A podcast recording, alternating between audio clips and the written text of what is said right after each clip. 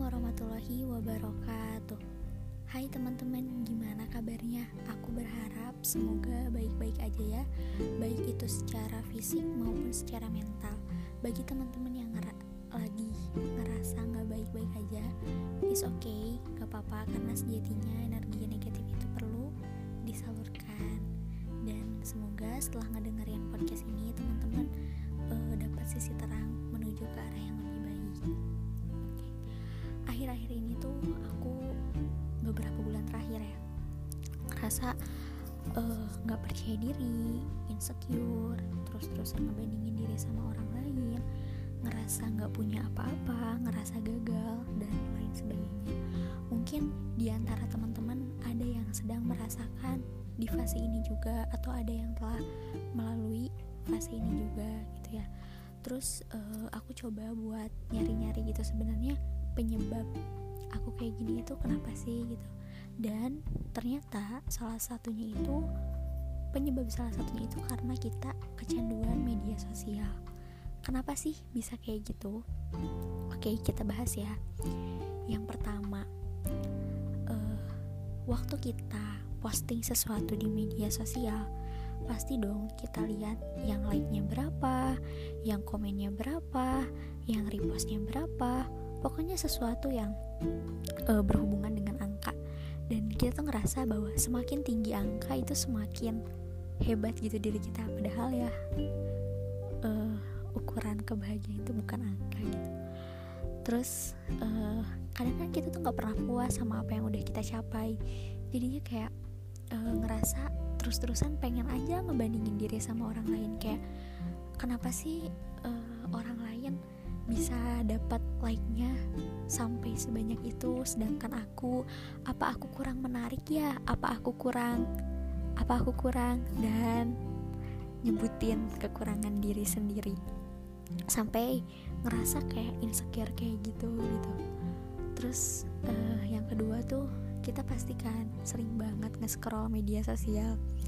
Terus kita ngeliat orang-orang kok dia selama pandemi ini produktif banget ya sedangkan aku terus ngelihat orang lain liburan ngelihat orang lain uh, punya bisnis apa gitu.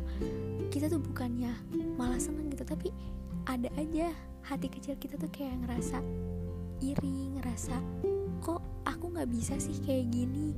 Aku tuh udah ngasih apa sih? gitu.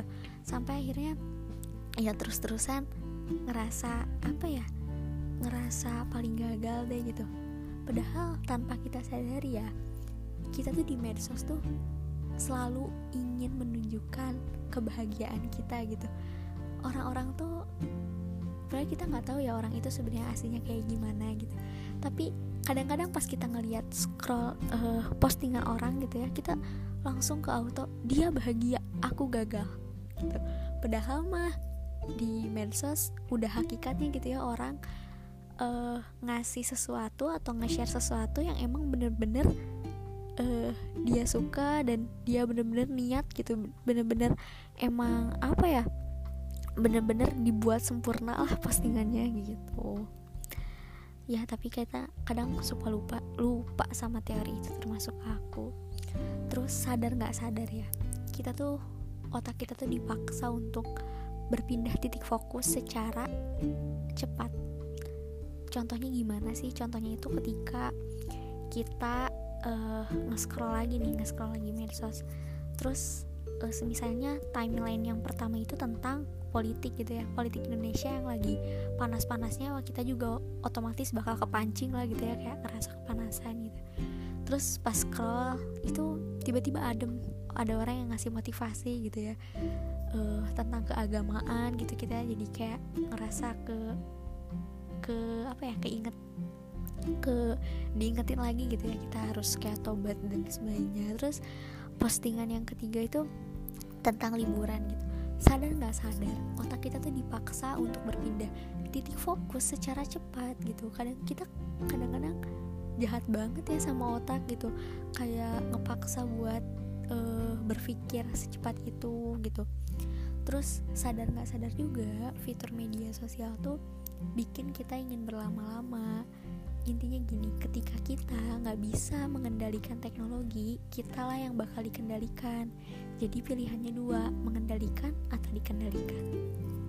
Nah auto dong kita nggak mau ya dikendaliin sama sosmed eh sama media sosial. Kita nggak mau kan dikendaliin.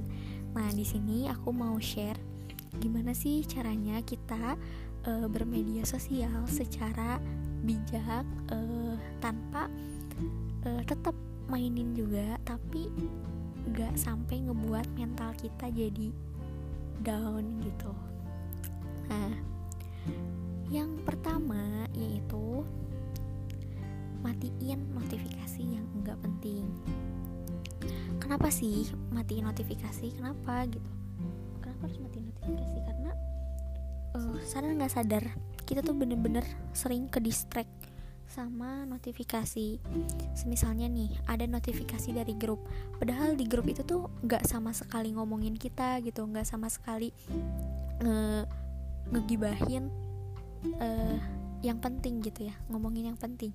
Tapi karena uh, ada notif kita bakal auto buka Auto buka dan ngikutan nimbrung gitu. Terus tanpa sadar waktu kita tuh kebuang sia-sia dan banyak kerjaan yang akhirnya ketunda dan kita ngedumel lagi nyalahin diri lagi sendiri.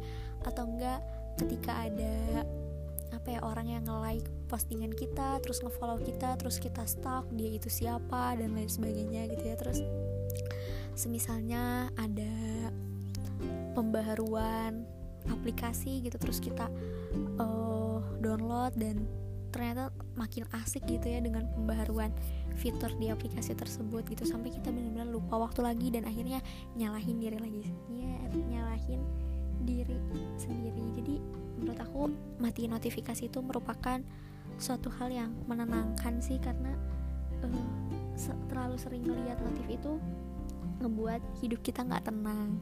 Ngerasa kayak dikejar-kejar dikejar-kejar hal yang menakutkan gitu. Terus hmm, yang kedua buat teman-teman pengguna iPhone teman-teman bisa manfaatin fitur uh, up limits dan downtime gitu. Jadi uh, teman-teman ngebatasi semisalnya di platform media A teman-teman uh, ngasih batas 45 menit gitu. Jadi ketika 45 menit teman-teman udah mainin 45 menit aplikasi itu nggak bakal bisa dibuka lagi. Terus teman-teman uh, bisa manfaatin fitur downtime. Jadi kayak uh, dari jam 10 malam sampai jam 7 pagi itu hari tanpa gadget waktu tanpa gadget gitu misalnya. Terus untuk pengguna Android juga sekarang udah banyak aplikasi-aplikasi yang bisa diunduh di Play Store. Nah uh, soalnya apa yang ngerasa tenang gitu kalau kita udah jarang buka handphone gitu. Jadi ngerasa tenang aja hidup. Gak kayak ada yang didistract sama apa pun. Nah terus nih uh, buat teman-teman yang pengen yang ngerasa bener-bener ngerasa insecure ngerasa bener-bener gagal teman-teman bisa pak bisa puasa media sosial. Tapi tentunya teman-teman kan puasa media sosial itu sangat menantang ya. Jadi gunain dulu step yang satu sama dua gitu. Jadi harus terbiasa dulu tanpa medsos baru teman-teman ke puasa medsos terus uh, idealnya tuh 21 hari ya karena aku baca sebuah artikel bahwa 21 hari itu mampu untuk membangun kebiasaan baru gitu membentuk kebiasaan baru. Tapi is oke okay lah karena 21 hari terlalu lama misalnya mau seminggu dulu aja ataupun mau satu hari tanpa medsos pun itu nggak apa-apa gitu ya. Yang penting kita mau memulai dan mau berproses. Nah uh, aku pun termasuk orang yang pernah melakukan puasa media sosial dan rasanya jujur bener-bener ngerasa semenyenangkan itu gitu ngerasa kayak uh, gak ada beban hidup tuh kayak nggak perlu mikirin uh, tanggapan orang nggak perlu mikirin isu-isu gitu kayak seneng aja gitu ya ketika aku uh, puasa. Medsos itu ngerasa aku jauh lebih tenang. Nah uh, caranya itu yang pertama aku ngabarin dulu ke orang-orang bahwa aku bakal puasa media sosial. Kenapa sih harus ngabarin gitu? Soalnya uh, ditakutkan ya dia bakal ngehubungin kita terus kitanya ya slow respon banget gitu ya. Nah yang kedua juga itu sebagai challenge buat diri kita. Kita kan nggak tahu ya pas puasa itu iman kita tuh naik atau turun gitu. Pastikan iman naik turun tuh uh, selalu aja ada gitu ya. jadi ketika kita mau puasa medsos pas kita udah ngebilangin ke orang pas kita suatu saat iman kita lagi drop gitu ya terus kita kayak iseng pengen buka itu bakal gengsi gitu ya. Karena aku udah ngomong ke orang-orang aku bakal puasa medsos masa aku buka? gitu. Jadi kayak gengsi tersendiri jadi bakal lebih kuat gitu imannya. Nah terus sebelum puasa medsos juga teman-teman harus punya alternatif lain. Jadi alternatif lain ketika nggak mainin medsos. Semisalnya uh, kayak lebih sering dengerin podcast, lebih sering baca buku, atau nggak belajar hal-hal baru, semisalnya ngebuat kerajinan apa, belajar masak, atau nggak kumpul sama temen, diskusi sama temen. Jadi uh, ketika kalian puasa medsos pun kalian bakal uh, bakal lebih produktif dan uh, gak akan terlalu ingat gitu dengan bahwa kalian tuh lagi puasa medsos gitu. Jadi bakal kealihin perhatiannya. Nah terus uh, buat teman-teman juga ingat pentingnya mengapresiasi diri sendiri. Kadang-kadang kita lupa ya nggak ngapresiasi uh, diri kita. Terus kita tuh terlalu bergantung ke apa yang orang lain katakan. Padahal kita nggak bisa mengendalikan orang lain yang bisa mengendal dan kita sangat bisa mengendalikan diri kita. Jadi sebelum mengendalikan orang lain yuk kendaliin dulu diri sendiri gitu. Semisalnya tiap malam tuh kayak kita nempukin di bahu makasih ya kamu udah kuat sejauh ini. Makasih ya kamu udah bertahan sejauh ini. Makasih ya udah mau melewati hari-hari ini yang cukup sulit. Uh, terus ucapan-ucapan makasih lainnya gitu. Terus selain mengapresiasi diri juga harus seimbang ya yang namanya evaluasi dan mengapresiasi. Teman-teman bisa nulis uh, gimana sih hari ini gitu. Teman-teman bisa nulis di note atau di diary kayak menumpahkan apa yang menjadi uh, kekesalan di hari ini. Terus kayak uh, ngerefleks ngerefleksiin diri uh, bahwa apa poin-poin apa aja yang harus diubah, poin-poin apa yang harus diperbaiki. Terus sebelum teman-teman tidur jangan lupa untuk maafin semua kejadian yang ada di hari ini. Semisalnya tuh tadi aku ngerasa kesel banget tuh sama orang sama si A gitu ya. Terus ke bawah tuh kan, ke bawah sampai mau tidur gitu. Nah, teman-teman coba maafin dulu, maafin maafin segala hal yang membuat kita resah di siang hari gitu biar kita tidur kita tuh nyenyak tidur kita tuh tenang dan uh, apa ya dan jujur itu tuh bakal ngerasa hati dan pikiran tuh jauh lebih tenang. Uh, mungkin dari aku cukup segini. Ini aku apa sih? Ya udahlah mungkin sekian dari aku. Makasih udah ngedengerin podcast ini sampai akhir. Uh, semoga setelah ngedengerin ini uh, banyak yang merasakan apa ya merasakan hal-hal yang baru yang bisa belajar gitu dari ini. Mungkin cukup sekian dari aku. Wassalamualaikum warahmatullahi wabarakatuh